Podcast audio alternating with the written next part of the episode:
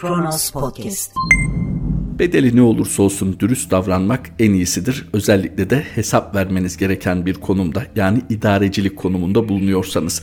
Yoksa savunmalarınız sizi daha zor durumda bırakabilir. Merhaba 20 Nisan 2021 Salı günün tarihi ve Kronos Haber'de Kronos günden başlıyor. AK Parti'den gri pasaport savunması, diğer partilerin belediyeleri de var. AK Parti sözcüsü Ömer Çelik, AK Parti Merkez Yürütme Kurulu toplantısı sonrası yaptığı açıklamada İçişleri Bakanlığı'nın gri pasaportlarla yurt dışına insan götüren belediyelerle ilgili gerekli incelemeyi yaptığını ifade etti. Birkaç CHP milletvekili çıktı. Bunu AK Parti belediyeleri yapıyor dedi. Şimdi bugün gördük aynı durum CHP belediyelerinde de varmış. Bu pasaport meselesi İyi Parti belediyelerinde de varmış. Çıkıp özür dilemeleri gerekiyor. Kendi belediyelerinde de çıktı. CHP sözcüsü arkadaşımız İçişleri Bakanımızı suçluyor. Gri pasaportları o vermiş. Açığa çıkarılsın diyor.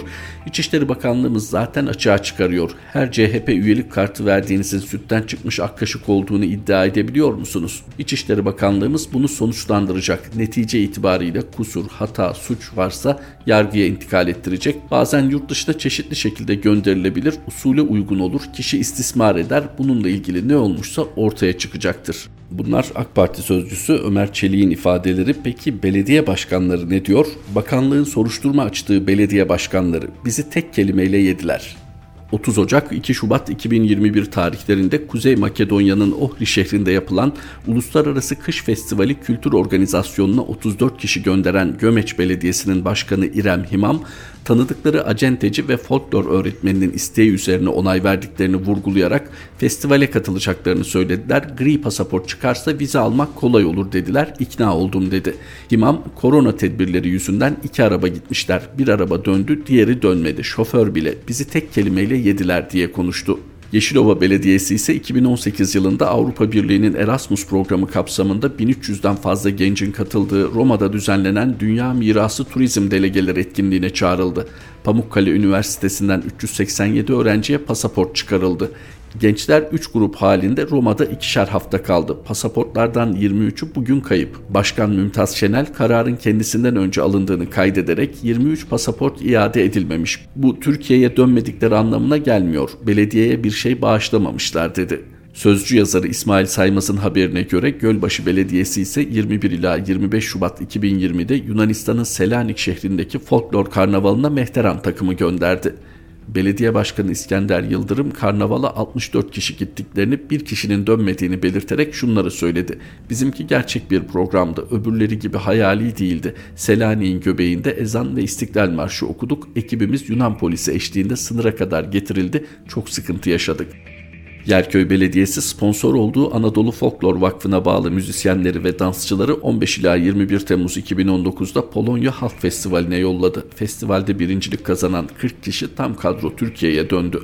Başkan Ferhat Yılmaz AK Partili belediyelerin karıştığı insan kaçakçılığı skandalını örtmek için böyle bir açıklama yapıldığını ileri sürdü. Şimdi AK Parti sözcüsü Sayın Ömer Çelik'in açıklamalarından şunu anlıyoruz. Muhalefet yahut da muhalif basın neden bunu gündeme getirdi? AK Partili belediyelerde insan kaçakçılığı yapıldığını iddia etmek için. Ama bakın diyor diğer belediyelerde de var. Nitekim İçişleri Bakanlığı da 6 farklı belediyeye soruşturma açtı. Sayın Çelik bir parti sözcüsü olduğu için tabii ki partisi açısından ele alıyor meseleyi. Fakat vatandaşın öğrenmek istediği şu. Evet AK Partili belediyelerle ilgili ciddi ithamlar var. Siz İçişleri Bakanlığı olarak CHP ile, HDP ile yahut da İyi Parti ile ilişkili belediyelerde böyle bir şeyi ortaya koyduğunuzda inkar mı edildi? mahkemeye intikal ettirdiğinizde bunun karşısında mı duruldu? Ama nedense AK Partili belediyenin bu icraatı aylarca kamuoyu gündemine gelmemiş. Nitekim CHP'li bir meclis üyesinin takibiyle ortaya çıkıyor. Öyle gündeme geliyor. Malatya Yeşilyurt Belediyesi'nden söz ediyorum. Oysa sizin vazifeniz yani ülkeyi yönetme sorumluluğunuz şunu gerektiriyor. Böyle bir durum yani bir insan kaçakçılığı iddiası söz konusuysa partisine bakmaksızın gereğini yapmak. Ama siz şimdi savunma için sadece AK Partili belediyeler değil bakın CHP'li İyi Partili belediyeler de var. Evet çok rahatladık bu açıklamanızda. Hatta o partiler var muhalif partili belediyeler de olduğu için ya bu konuyu kapatalım diyeceğiz. Bunu mu bekliyorsunuz? Yapmanız gereken hangi siyasi partiyle irtibatlı olursa olsun bu iddianın muhatabı muhatabı olan belediyelerle ilgili gereğini yapmak. Yani bunu da 128 milyar dolar nerede tartışmasına çevirmemek. Durmuş Yılmaz'dan Canikli ve Elvan'a konuştukça batıyorlar. Eski Merkez Bankası Başkanı ve İyi Parti Milletvekili Durmuş Yılmaz, Nurettin Canikli ile Maliye ve Hazine Bakanı Lütfi Elvan'ın açıklamalarını eleştirerek biri sabık, diğeri halen görev başında iki bakandan birincisinin ne kadar iyi bir vergici olduğunu bilmiyorum. Ancak her ikisinin de hiç döviz alışveriş odasına girmediği kesin.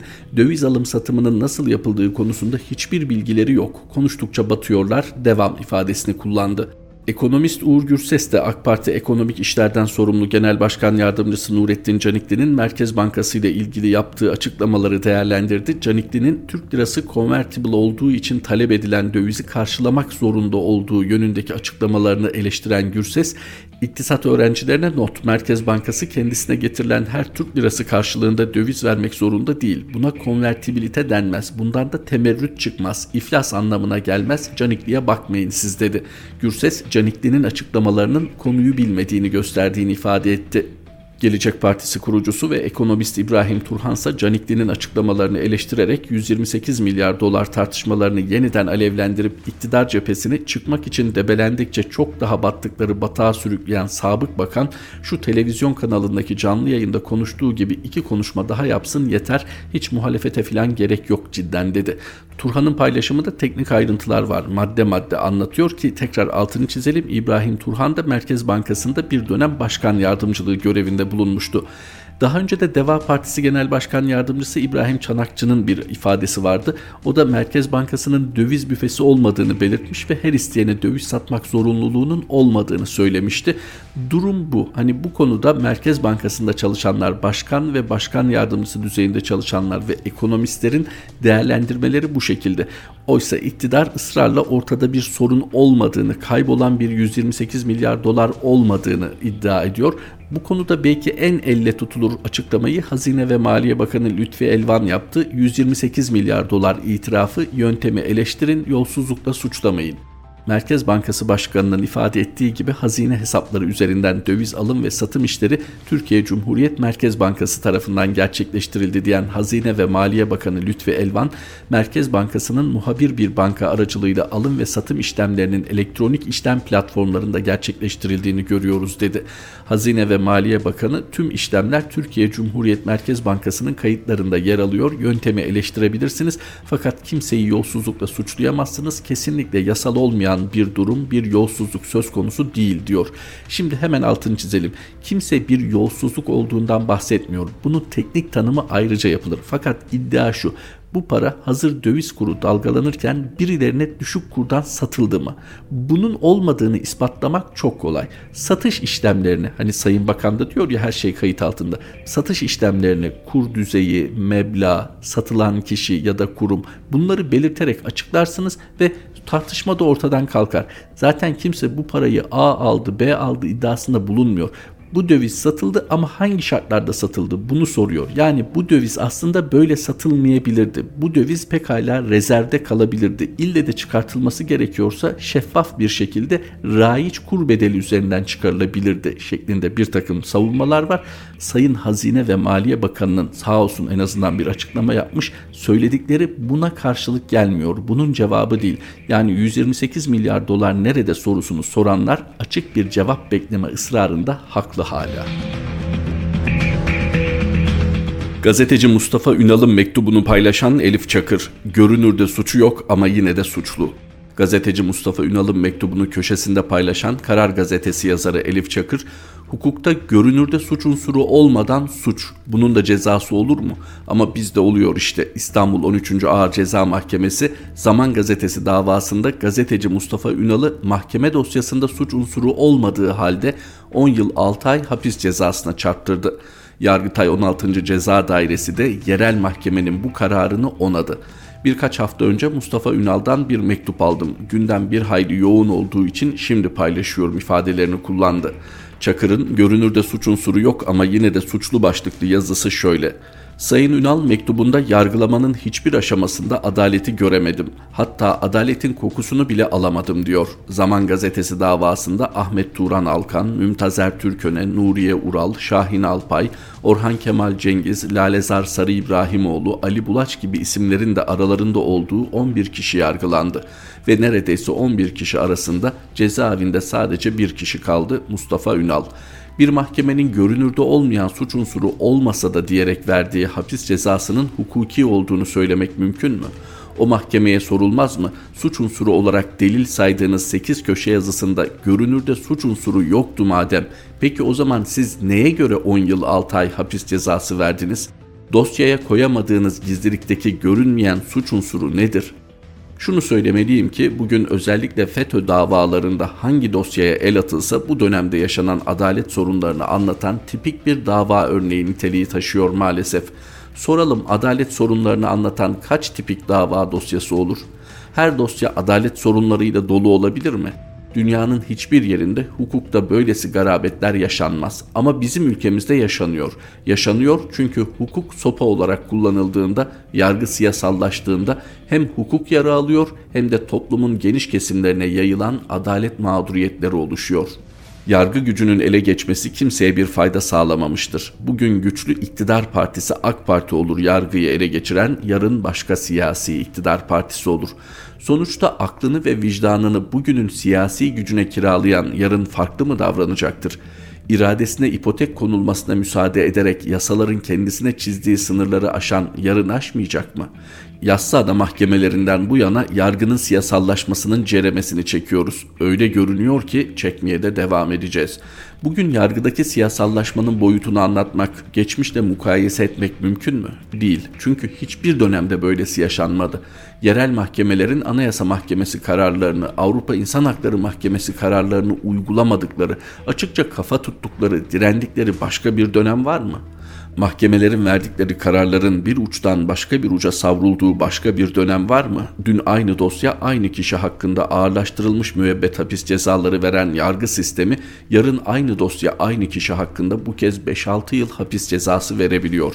Aynı dosyada yargılanan ve dosyadaki en hafif suçlamalara sahip biri hakkında ağırlaştırılmış müebbet hapis cezası kararı çıkıyor, daha ağır suçlamaların olduğu dosyadaysa tahliye kararı çıkıyor.'' Ünal'ın mektubunda altına çizdiğim satırlar şöyleydi. Paylaşmak isterim. Yıllarca Ankara gazeteciliği yaptım. Herkesi tanırım. Ankara'da derdimi anlatacağım bir muhatap bulamadım. Bulamıyorum. Tanıdıklarım adalete karşı kör ve sağır. Benim de adaletten başka talebim yok. Kimseden merhamet, acıma beklemiyorum. Suçsuz olduğumu en iyi Ankara'dakiler biliyor. Yargılama sürecinde hiçbir somut suçlamanın muhatabı olmadım. Diyeyim iki zamanda yöneticilik yaptı. Elbette vardır bir suçu diye bakıldı.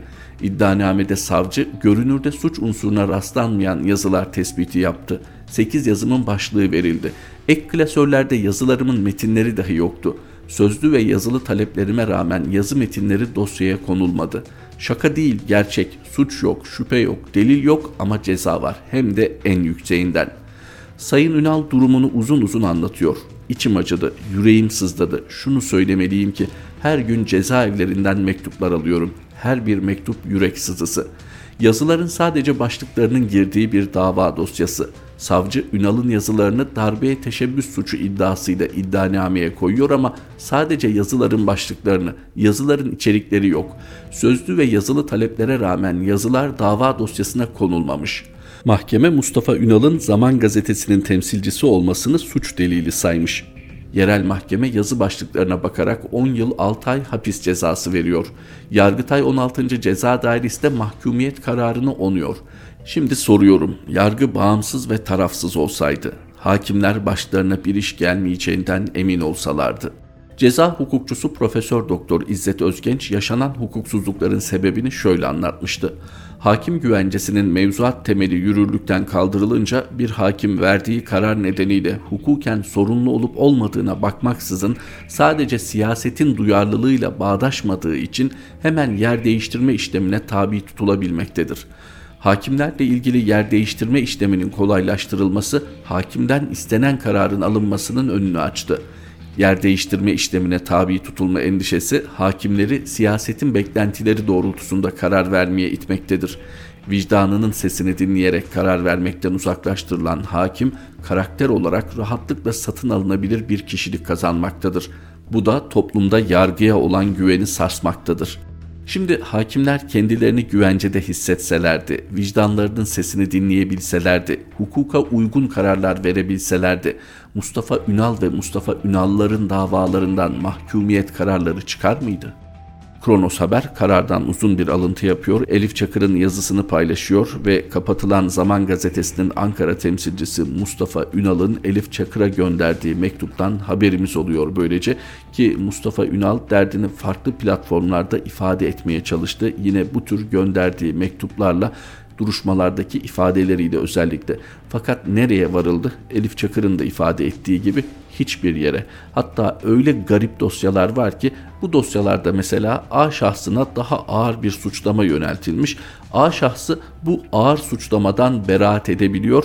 B şahsı ise o kadar ağır bir suçlamaya muhatap olmadığı halde ve hakkında deliller olmadığı halde ağır bir ceza alabiliyor. Özellikle 15 Temmuz 2016'dan sonra yaşanan süreçte mağdurların ısrarla altını çizdiği bir konu var. Mevzuat. Mevzuata neden uyulmuyor?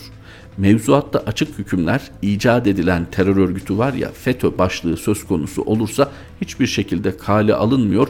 Siyaset ne bekliyorsa yahut da mahkeme heyeti siyasetin ne beklediğini düşünüyorsa o doğrultuda karar veriyor. Oysa önlerine gelen dosyada somut bir delil yok. Gerek darbe soruşturmalarının büyük bir kısmında gerekse terör örgütü üyeliği suçlamasıyla hazırlanan dosyalar şunu da belirtmek lazım. 15 Temmuz 2016'dan sonra oluşturulan o cadı avı atmosferinde insanlar bir şekilde korkutuldu, sindirildi ve kimsenin hemen hemen neredeyse sesi çıkmadı mağdurlar dışında.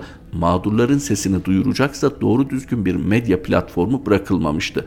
Bakınız daha Karar Gazetesi yeni yeni bu tür konularda itiraz etmeye başlıyor. Yeni yeni bu tür konularda hakikati dillendirmeye başlıyor.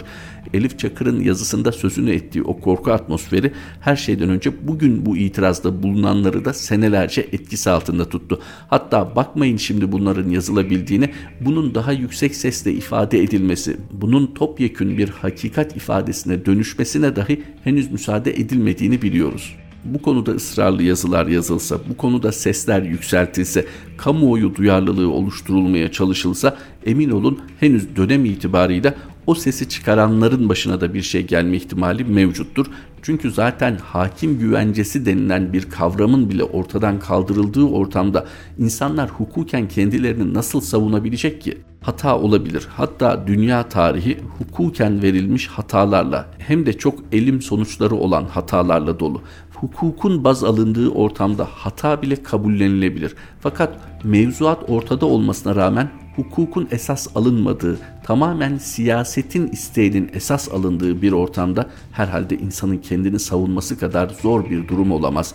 Mustafa Ünal da mektubunda onu belirtiyor. Senelerce Ankara'da çalışmasına rağmen, Ankara'da herkesi tanımasına rağmen ve özellikle Ankara'dakilerin suçsuz olduğunu bilmesine rağmen muhatap bulamıyor tanıdıklarının çünkü hukuk diye bir dertleri yok ki merhamet ya da acıma değil sadece adalet istiyor Mustafa Ünal ve Mustafa Ünal gibi dönem itibarıyla hukuk hiçe sayılarak mahkum edilenler. Bakın bir insanı 10 yıl 6 ay hapis cezasına mahkum ediyorsunuz ama talebe rağmen dosyaya yazıları koymuyorsunuz.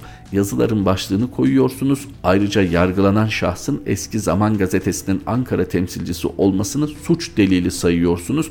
Fakat suç delili olabilecek yazıların metinlerini dosyaya koymuyorsunuz ve bu kişi bu dosyayla 10 yıl 6 aya mahkum edilebiliyor.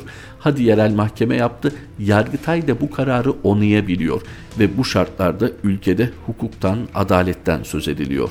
Mustafa Ünal'ın mektubunu paylaşan Elif Çakır'ın vurgusuyla noktalayalım. Bir mahkeme düşünün ki heyeti A siyasi görüşü güçlü olduğu için, A siyasi görüşü etkin olduğu için o doğrultuda kararlar veriyor. Peki yarın B siyasi görüşü etkin olduğunda A siyasi görüşüne göre kararlar vermeye devam edecek mi? Hayır. Çünkü bir kere kıstası mevzuat, ölçütü hukuk olmaktan çıkardığınızda siyaset ne emrederse onu yaparsınız. Endişeniz nedir? Yerinizin değiştirilmesi. Endişeniz nedir? Hapse atılmak. Peki bunları göze alamıyorsanız neden adalet dağıtmaya talip oldunuz? Uzun yıllar kapatılan Zaman Gazetesi'nin Ankara temsilciliğini yapmış olan Mustafa Ünal'ın adalet çağrısıyla Kronos gündemin sonuna geldik. Kronos Haber'de tekrar buluşmak üzere. Hoşçakalın. Kronos Podcast